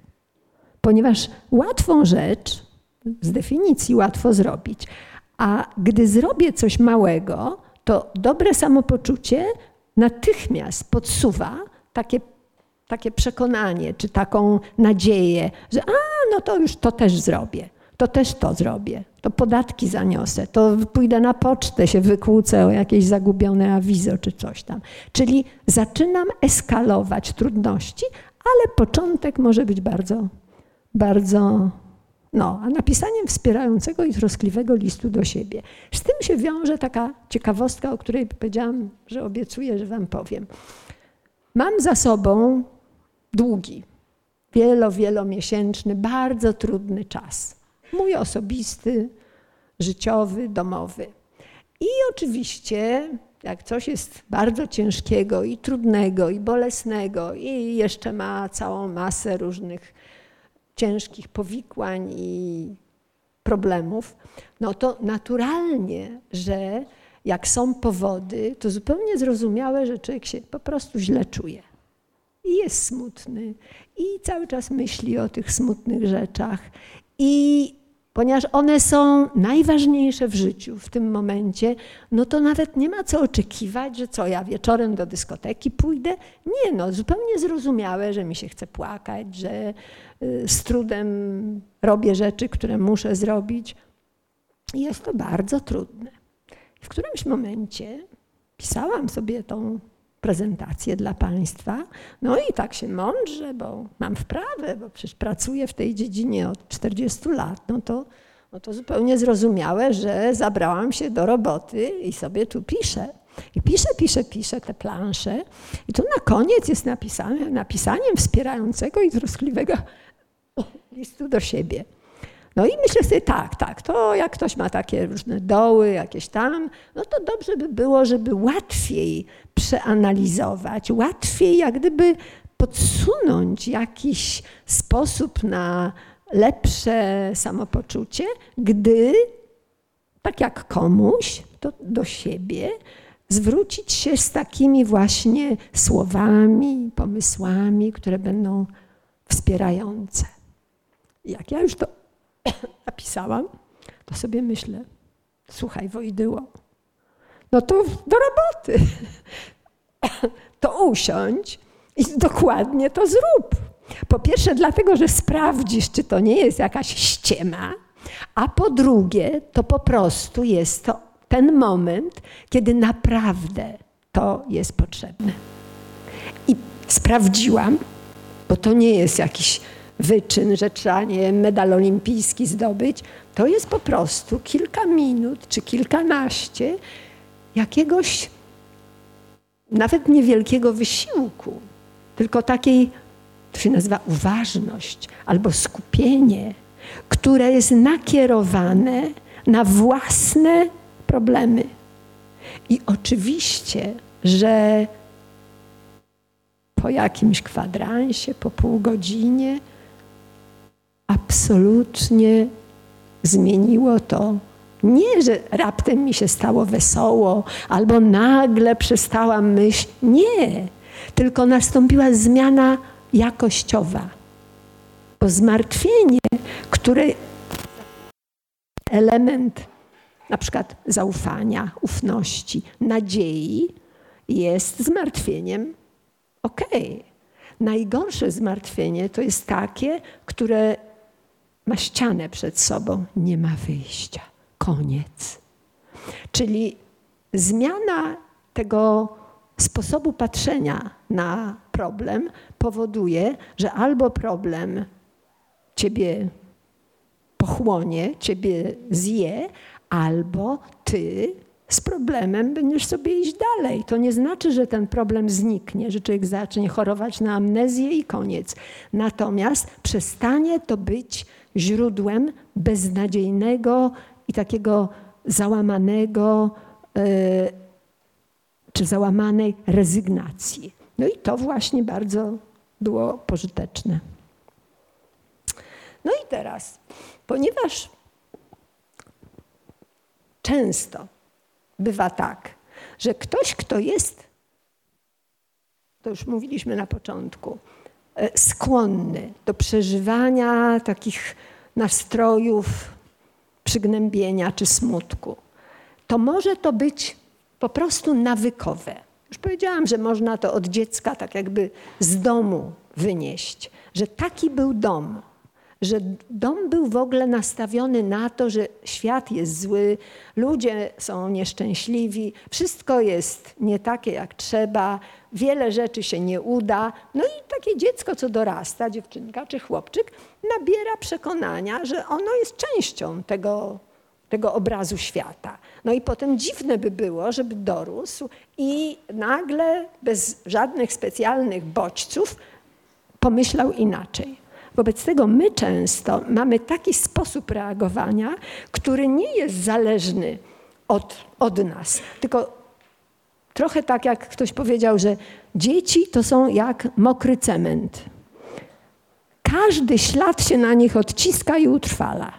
I w tym sensie my nie jesteśmy nawet odpowiedzialni za to, że mamy jakąś predyspozycję do pewnego rodzaju funkcjonowania. Natomiast gdy już to zauważymy, a jeszcze zwłaszcza, gdy zauważymy, że nie przynosi nam to pożytku, że jest to coś, co nam szkodzi, coś, co odbiera możliwości, a nie powiększa je, no to wtedy trzeba się z nimi zmierzyć, trzeba się z nimi uporać. I tutaj jest właśnie na ten temat odzwyczajanie się od niekorzystnych nawyków i uczenie się nowych przyzwyczajeń, nowych nawyków, jak chociażby robienie tego, co tutaj napisałam. To nie każdy to od razu ma pomysł, no dobra, skoro mi teraz źle, to ja szybko zrobię to, to, to, to, to, albo tylko to i to, bo mi to pasuje. Bardzo często w ogóle nam to do głowy nie przychodzi. Ale po to, żeby od tych stanów przygnębienia, czy smutku, czy jakiegoś niezadowolenia się uwalniać, no to trzeba się nauczyć nowych sposobów reagowania na te smutki. Wymaga to odwagi, to znaczy e, muszę przyjąć, że spróbować warto. To jest odwaga. Że no jak mi się nie uda, to się nie uda, ale spróbuję. Czyli skoczę z tego wysokiego mostu na bungee, albo skoczę ze spadochronem, albo jeżeli to jest nawet bardzo trudne, to spróbuję, bo zakładam, że to może mi pomóc. Wymaga to też dyscypliny. No bo żeby coś zrobić, to nie jakaś tam jednorazowa, ka kapryśna nowa rzecz, tylko to trzeba uznać, że wobec tego zacznę to stosować. Wobec tego zapamiętuję, co działa i zaczynam to wprowadzać w życie. Ale jeszcze ważniejsze w tym odwracaniu nawyków to jest życzliwy, inteligentny i nieobojętny system wsparcia. Czyli ludzie, których trzeba zgromadzić wokół siebie. To może być jedna osoba, ale jest mało praktyczne, bo właśnie mogła wyjechać na, do sanatorium. Czyli to musi być krąg. Kiedyś tym kręgiem w dawnych czasach zawsze była rodzina, ponieważ rodziny były duże. Tych dzieci było dużo, rodzeństwa było dużo, wszyscy na kupie żyli, każdy o każdym wszystko wiedział. Poza tym nie było takiej ruchliwości społecznej, ludzie się nie przenosili. W tej wiosce, co się urodziłeś, to i w tej wiosce umierałeś. Najwyżej, nie wiem, po sąsiedzku do drugiej wioski za żoną poszedłeś. Ale w każdym razie to było wszystko, odbywało się z ludźmi, którzy znali nas, byli tacy sami jak my zresztą przeważnie. Natomiast dzisiaj, ze względu na cywilizacyjne, różne, świetne zresztą i nie dałabym sobie ich odebrać, pomysły i możliwości, mamy bardzo wiele utrudnień, które wymagają właśnie jakichś nowych kwalifikacji. No, trzeba mieć system ludzi, którym na, na nas będzie zależało. Czyli moja mama daleko mieszka, albo w ogóle jej nie ma, albo właśnie ma trzeciego męża i żyje swoim życiem. Wszystko jedno co, to ja muszę mieć zastępczą mamę. To musisz być ty, czy ty, moja koleżanka, która jak przyjdę do ciebie, to ty mnie pożałujesz. I powiesz, ojej, no coś ty, ale faktycznie masz pecha. Czyli ktoś, kto będzie dokładnie w ten sam sposób, a nie musi to być, nie wiem, jakaś yy, biologiczna kopia. To chodzi o to, żeby to yy, były osoby, które zechcą, potrafią normalnie po ludzku spełniać nasze potrzeby. Nie zachcianki. To nie o to chodzi, żeby każdy nas łaskotał, bo my lubimy sobie pochichotać, tylko potrzeby, które należą do elementarza ludzkiego przetrwania, akceptacji, pomocy, gdy mam, nam jest ciężko, troski, yy, współczucia, gdy przeżywamy jakieś bolesne rzeczy, no to do tego nie potrzeba koniecznie pokrewieństwa krwi. A nawet dzisiaj bardzo często słyszę, że o nie, już z taką sprawą to do mamy nie pójdę. Nie no skądże. Moja mama zaraz apopleksji dostanie, będzie mi tu robić wyrzuty. Nie, ale mam kogoś, kto doskonale tę rolę spełnia. I jak mam jakiś problem, to mam dwie przyjaciółki, z którymi siedzimy do rana, robimy maraton i wychodzę wtedy uspokojona, wzmocniona i wiem, co robić. No albo terapia. To jest normalnie płatna rodzina. To w ten sposób można to rozumieć. I faktycznie, oczywiście, to nie jest to takie, e, powiedziałabym, mechaniczne, ale bardzo często po to, żeby e, uratować siebie przed jakimś załamaniem albo jakimiś e, błędami kolejnymi, no to terapia jest zbawienna. Czyli wymyśliliśmy sposoby, tylko trzeba z nich korzystać. No i teraz Tutaj był pierwszy, ostatni punkt, to było jeszcze ważniejsze, jest życzliwy, inteligentny, bo to też jest ważne, że to nie był ktoś, kto na przykład, jak ja powiem, że o, jak mi teraz jest ciężko, wiesz, te moje myśli, chodź kochana, napijemy się, to się lepiej poczujesz. Więc to nie może być ktoś taki. To powinien być ktoś, kto rzeczywiście w tym moim nieszczęściu nie zaprzeczy mu, nie powie, nie no co ty głupia jesteś, no ty się martwisz, ale przecież to, to, to, to, to. Czyli to musi być ktoś, kto czuje ze mną i kto potrafi się wznieść nad jakieś swoje egoistyczne myślenie. No i teraz, takimi osobami, czy takie osoby możemy nazwać przyjacielem, przyjaciółką, są osoby, z którymi łączy nas przyjaźń. Otóż przyjaźń jest tym elementem życia, tym uczuciem, dzięki któremu ludzie wiedzą, co to jest szczęście. Gdy nie ma przyjaźni, Niektórzy mówią miłość. No ale miłość to jest przyjaźń. To jest przyjaźń plus i tutaj w zależności od kwalifikacji tej miłości może być miłość e, rodzinna, może być miłość siostrzana, może być miłość macierzyńska, ojcowska, może być miłość do własnego dziecka czy do kogoś tam, ale może być miłość erotyczna, miłość seksualna a jeżeli odejmiemy ten hormonalny element, to zostaje ten, ta część miłości, którą nazywamy przyjaźnią.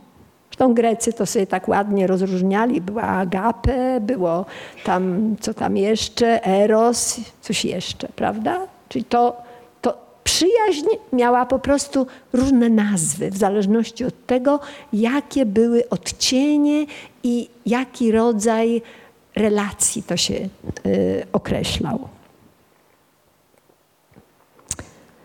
No i teraz, jakie jest znaczenie przyjaźni dla zdrowia psychicznego? A jeżeli ktoś ma zdrowie psychiczne, czyli żyje w stanie dobrostanu, nie jest w stanie konfliktu wewnętrznego, nie jest e, przepełniony uczuciem zazdrości, nienawiści, zawiści, złości, tylko ma uczucia, które są przyjazne i życzliwe, to najczęściej najmniej cierpi fizycznie również. Jest dziedzina, która się tą sprawą zajmuje dzisiaj naukowo i w sposób taki profesjonalny, nazywa się psychosomatyka. Dzisiaj, jak ktoś przychodzi z ciężką chorobą do lekarza, zaznaczam mądrego lekarza, wykształconego lekarza, to lekarz mówi: Aha, od kiedy pani ma diagnozę? No, od niedawna. No i właśnie, panie doktorze, co mamy robić?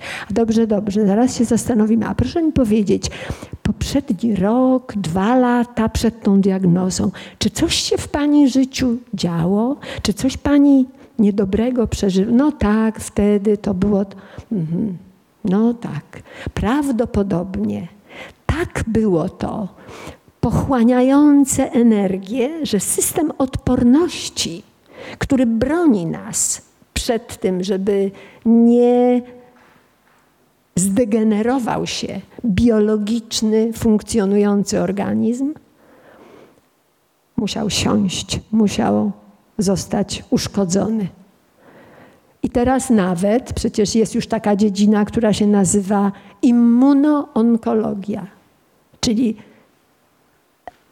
nowotworową chorobę leczymy przez wzmacnianie, nie robimy chemii, nie robimy radioterapii, tylko wzmacniamy odporność. Ty sama sobie z tym poradzisz, z tym guzem czy z tymi guzami. Tylko trzeba pod... I już są szpitale, w których oddziały, w Stanach wiem, że są, nie wiem czy w Europie już też, ale Niemcy na przykład może nie mają takich oddziałów, ale ogromnie dużo w tej dziedzinie zaczęli rozwijać. To już takie oddziały szpitalne, które się nazywają body slash mind. Body mind, czyli ciało i umysł, ciało i dusza. I tam na przykład, także ta psychosomatyka pokazuje, że jeżeli, jeżeli psychicznie będziesz oddychać swobodnie, a w takim, e, tak jakby się małym dzieciom to mówiło, bo trzeba im też oczywiście takie rzeczy tłumaczyć, wyjaśniać, mówić, to im wcześniej, tym lepiej, żeby przedszkolakowi wytłumaczyć, na czym polega takie, taki dobrostan psychiczny. To się mówi tak. Jak wszystko, co się dzieje, możesz powiedzieć mamusi to wiem. No ale ja to samo powiem nam, niekoniecznie czterolatkowi. Jeżeli wszystko, co się w Twoim życiu dzieje, możesz powiedzieć mamusi, to naprawdę masz zdrowie psychiczne. Ale jeżeli są takie rzeczy, których nie możesz powiedzieć mamusi, to hej, to znaczy, że tam masz w sobie coś, co jest taką pestką i nie wiadomo, czy wokół niej nie zacznie się coś niedobrego dziać. Niektórzy ludzie chodzą do spowiedzi. No i tam zostawiają te pestki. Dobry sposób. Ale ja się trochę boję, że taka spowiedź i rozgrzeszenie powoduje, że jutro wychodzę i idę do tego samego kochanka. No bo znowu pójdę do spowiedzi. Czyli jest coś takiego, że to jednak nie jest powiedzenie mamusi. Także ja mam takie swoje kryteria. No ale właśnie, bliski przyjaciel, bliska przyjaciółka. No więc potrafi rozproszyć. A między innymi jak? No chociażby dlatego, że dobra, dobra, te twoje sprawy, ale ja ci powiem o moich. I człowieka szlak trafia, bo tu się chciałam wyżalić, a tu słucham, ale za chwilę mnie to wciąga, bo się okazuje, że mój problem to tam drobiazg, ale ona to dopiero ma. Czyli rozprasza. To jest, to jest zbawienne i ratunkowe. Odwraca uwagę, bo ma inną perspektywę. Na przykład, no wiesz, co mnie spotkało. Faktycznie, ale poczekaj, jak ja tak o tym myślę, no to co się złego stało? No i ja mówię, no ale jak to? No, no to powiedz, no co z tego złego wynika, że ty tam coś? Mm, no strasznie się tym zdenerwowałam. No dobra, ale jak te nerwy swoje? No to co z tego wynika? No nic. Czyli inna perspektywa. To jest po prostu spojrzenie z daleka. To jest mam oczko w rajstopach, ale jak stoję do was przodem, to wy nie widzicie i w ogóle nie mam oczka. Czyli może trzeba tak się wtedy tak poruszać i po prostu tak wyjdę, do widzenia i już. Są sposoby. I to dzięki temu, że ktoś na to popatrzy inaczej, albo w ogóle nie zauważy w tym wielkiego problemu, to jest rozwiązanie. Potrafi rozśmieszyć, dlatego trzeba mieć pogodnych przyjaciół i pogodne przyjaciółki z poczuciem humoru. Z tym u nas w Polsce jest trudno. Jest to jedna z cech, której praktycznie Polacy nie mają. Jak się nie upije, to się nie uśmieje. No tak. Więc mamy, ale to, to, to skoro wiemy, to, no to trzeba to szukać sposobów, trzeba się tego uczyć, trzeba po prostu wprowadzać ten element na zasadzie, że y, tak jak kiedyś nie jedliśmy sushi, a teraz to jedna z najulubieńszych, eleganckich form poczęstunku to jest sushi albo krewetki. No kto w 50 roku jadł w Polsce krewetki albo ośmiorniczki, prawda? No więc duże rzeczy nie było, ale już umiemy. No i wyciągniecie do kina, uspokoi chwilach wzburzenia, pomoże zrozumieć, wzmocni, kiedy będziesz miała już mało siły, doradzi, jak tam jakiś będziesz miała dylemat, czy ja mam tak zrobić, czy tak. No i przyjaciółka powie, wiesz co, zrób tak. No, ale może lepiej tak. No to zrób tak. Świetna rada. W pewnym momencie po prostu widzisz, że naprawdę, bez względu na to, co wybierzesz, to bez wybrania, to się będziesz zadręczać. No więc tak, pożyczy coś, jak chcesz, nie wiem, odświeżyć się w jakimś tam sensie, nie wiem, książkę do czytania, nową apaszkę, koraliki, no obojętne co. No ale jest ostatnia rzecz, bardzo ważna. Dobry, wypróbowany przyjaciel, przyjaciółka powie, wprost o tym, co robisz źle. Ale nie powie tego na zasadzie, bo z tobą to nie można wytrzymać, bo ty to taka i taka i taka. Tylko powie, że coś jest, co psuje twój wizerunek i jak chcesz, to ja ci pomogę. To choć pomyślimy wiesz, znam dobrego psychologa, albo wiesz co, spróbuj robić to, co ja robię, albo może pomyśl i jednak się do tego przyznaj, a może zacznij coś tam stosować. Czyli różne formy, bo pomoc to nie znaczy, że ktoś ma jakąś gotową receptę. Pomoc w takich wypadkach to jest po prostu dlatego, że mi na tobie zależy, to nie chcę, żebyś trwała, czy żebyś trwał w czymś, co ci przynosi ujmę. Coś, co robisz sobie na szkodę. No, ale teraz mamy tu smutki, smutki, smutki. A tu dlaczego przyjaźń ratuje przed depresją? Ponieważ mówimy o przyjaźni dobrej, takiej, która jest, yy, która ma charakter oparty na więzi między ludźmi. Pobudza wydzielanie oksytocyny. To jest hormon, który, on się zresztą wiąże na przykład z funkcjonowaniem, e, czy jak gdyby z e, zaczątkiem macierzyństwa, bo oksytocyna pozwala na nawiązanie więzi z dzieckiem, które wydaje się na świat. A ponieważ temu aktowi narodzin towarzyszy ból, towarzyszą stany potwornego czasami zmęczenia, nawet cierpienia, przerażenia, niepokoju, strachu i tak a poza tym zmęczenia takiego fizycznego, to bez oksytocyny to po prostu żadna matka nie byłaby w stanie cieszyć się tym dzieckiem. Czyli nas biologia w to wyposażyła. biologicznie mamy taki wybuch tego hormonu, który sprawia, że czujemy błogość, że przepełnia nas uczucie niebiańskie, że jest to coś, co na ogół najbliżej definicji szczęścia. Ale dokładnie, może nie tak samo wiele, jak młodej mamie przy urodzeniu dziecka, ale samo poczucie intymności, więzi, że ja ci mogę wszystko powiedzieć, co ja zrobiłam i ty mnie nie oplujesz, nie obgadasz, nie wyrzucisz, nie odepchniesz, nie powiesz wynoś się z mojego życia. Czyli poczucie zaufania i więzi powoduje, że ja w tej relacji również mam ten niesamowity biologiczny y, element y, dodający mi takiej właśnie ciepła, które, y, które towarzyszy przyjaźni. Miłość i przyjaźń są na poziomie emocji takie same, natomiast na poziomie hormonów mają różnice.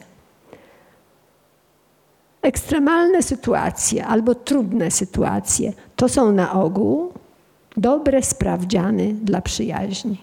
I rzeczywiście czasami się na kimś można zawieść. No ale ile jest ludzi na świecie teraz? 8 miliardów. O, teraz już jest 8,1, a teraz już 8,2. Czyli dużo. Wobec tego, jeżeli ktoś nawet doznaje rozczarowania, zawodu, bo źle trafił, bo ktoś nie spełnił tej y, zapowiedzi przyjaźni, bo ktoś rozczarował, to nic nie szkodzi. To się szuka dalej. A ja nawet w tej swojej ostatniej książce pod tytułem Ludzie, ludzie, to mam taki ostatni rozdział, który się bardzo czytelnikom podoba, który się nazywa Znajomi, nieznajomi. Otóż ja tam zwracam uwagę na to, że wśród ludzi, wcale nie bliskich, nawet często takich, których nie znamy z imienia, jakaś sprzedawczyni warzyw na bazarku, albo sąsiad, który mieszka trzy piętra niżej, albo ktoś, z kim się spotykam od pięciu lat na spacerach z psami, albo fryzjerka moja, albo jakiś tam jeszcze ktoś, dentysta. To są osoby, które nie są moimi znajomymi, ale czasami kontakt, właśnie taki do, bibliotek, do biblioteki przychodzę, oddaję, wypożyczam, czasem przynoszę książki, których już nie chcę i nawet nie wiem, jak się te panie nazywają, ale niesamowicie roz, jak gdyby rozpędzają, rozpraszają na przykład uczucie jakiejś przykrości albo albo zawodu, które często pochodzi z domu. Bo z bliskimi ma się bardzo dużo gęstych, rozmaitych, konfliktowych sytuacji, a z takimi osobami żadnych, ponieważ nie łączą nas uczucia. Wobec tego zawsze jesteśmy dla siebie e, powierzchownie mili, powierzchownie zaciekawieni, no, czasami wchodzi się w głębsze jakieś tam znajomości, a jeszcze jak są gadatliwi ludzie, to bardzo dużo o sobie mówią. Więc taki rozdział napisałam i często właśnie dodają nam takiego poczucia więzi z ludźmi wcale nie najbliższe osoby. No i poczucie bezpieczeństwa, czyli można się na kimś oprzeć. Wiem, że cokolwiek się zdarzy, nie będę sama. No to to już jest właśnie ta rękojmia. No i poza tym podnoszenie pewności siebie, ponieważ jeżeli mam kogoś, kto, i tak łatwo sprawdzić, kto się cieszy, jak się ze mną widzi. Po prostu. To jest tak, o jak fajnie, a dawno się nie widziałeś. O, świetnie, że przyszłaś. Albo słuchaj, no co się u ciebie dzieje? Musimy się spotkać. To są tego typu sytuacje, które nas budują. I poczucie pewności siebie albo poczucie wartości, bo to są wymiennie używane określenia, one dzięki temu się poprawiają. No i z badań naprawdę takich wielokrotnie powtarzanych yy, wynika, że przyjaźnie, zdolność w ogóle trwania w przyjaźni to jest cecha, która idzie w parze z kilkoma ważnymi czynnikami życiowymi. Na przykład się mniej choruje, na przykład dłużej się żyje, na przykład ma się e, subiektywne poczucie zadowolenia z życia o wiele wyższe niż, niż osoby, które żyją samotnie albo stronią od przyjaciół, albo nie lubią mieć kontaktów z innymi ludźmi. Dlatego przyjaźń warto dbać. To już taka. E, no właśnie, takie przed zakończeniem jeszcze memento. No i sobie powtarzamy. Co jest między smutkiem a depresją? E, to chyba Jung powiedział, że nawet szczęśliwe życie nie może obejść się bez pewnej dozy ciemności. No i tu jest smutek albo inne pochodne tego uczucia są nieodłączną częścią przeżywania życia. Trzeba go uszanować, trzeba mu się pokłonić, trzeba wiedzieć, że skoro się pojawia, to trzeba się z nim przywitać. Nie wolno odrzucać, nie wolno zakłamywać, e, tłumić, bo sam proces tłumienia uczuć pochłania energię i jest dowodem albo jest przejawem braku zaufania do siebie. To jest jak ja mogę być smutna, albo to jest jakaś taka potrzeba udawania, że się jest kim innym. A samo to już zapowiada, że mamy do czynienia z jakąś formą zaburzenia, z jakąś formą nieszczerości. No więc przy pierwszych sygnałach smutku zrób plan działania, czyli można wrócić parę planż do tyłu i sobie sprawdzić, co można zrobić, żeby tego smutku nie wypielęgnować, żeby on nie zagościł jako główny gospodarz w naszej duszy. No i korzystaj ze wsparcia życzliwych osób. Proś o pomoc, nawet wbrew sobie.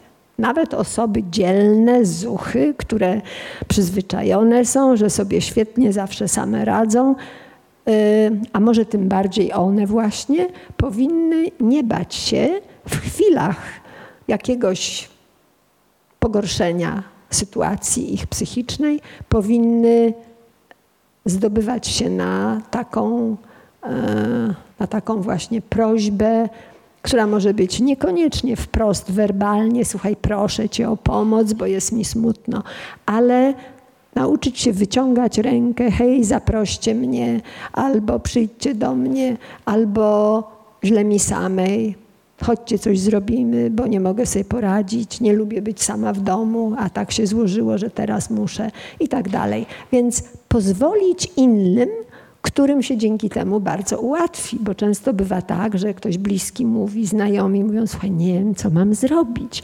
No ona jest tak strasznie załamana, no co my możemy zrobić? A jak z nią rozmawiam, to ona mówi, nie, dziękuję, nic nie chcę, nic nie chcę.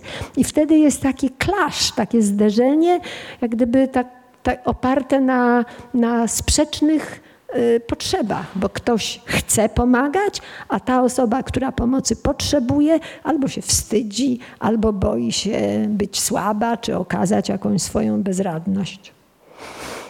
No i, no i tu już na koniec, że wiemy, że motorem poprawy nastroju nie jest wcale biologia, zresztą przeczytałam o tym, tylko praktykowanie. To jest. Yy,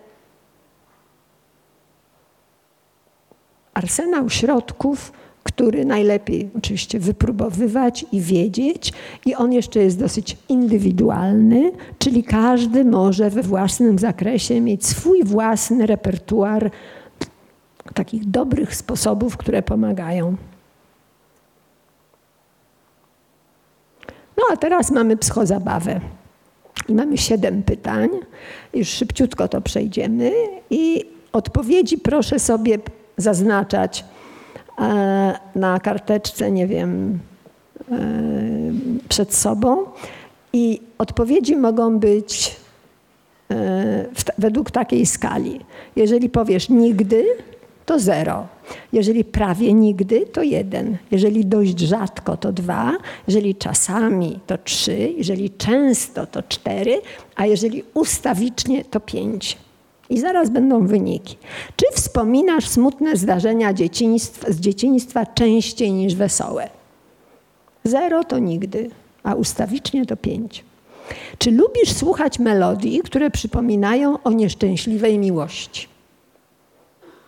Nigdy to zero, prawie nigdy jeden, dość rzadko dwa i tak dalej.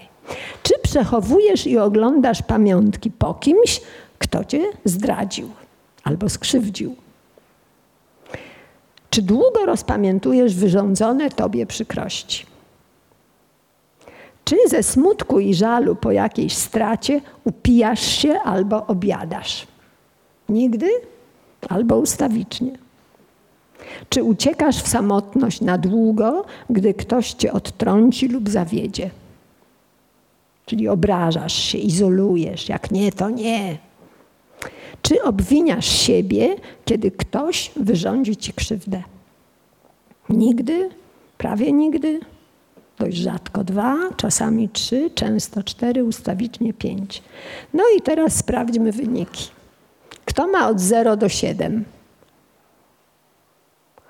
Świetnie sobie radzisz z przykrościami, podchodzisz do życia z optymistycznym nastawieniem, zachowujesz pogodę ducha mimo rozczarowań zawodów. Kto ma od 8 do 16? Ok. Idealistycznie podchodzisz do życia.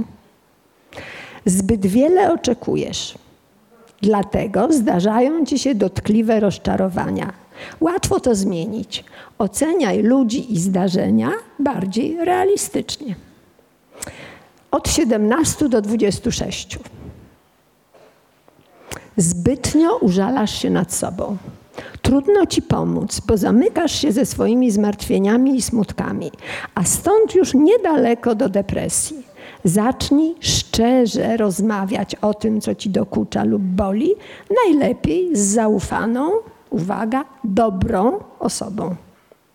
A kto miał od 27 do 35?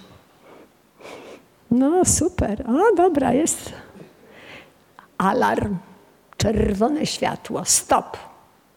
Tak dalej nie można. Jak najszybciej pomów z kimś zaufanym o swoich przeżyciach i uczuciach, zacznij terapię, pisz dziennik uczuć, analizuj swoje przeżycia, myśli i emocje w kontekście faktów. Prawdopodobnie zbyt wiele wyobrażasz sobie, że życie musi być według Twojego dyktanda i wszyscy ludzie tacy, jak Ty byś chciał. No więc mamy tyle i dziękuję za uwagę.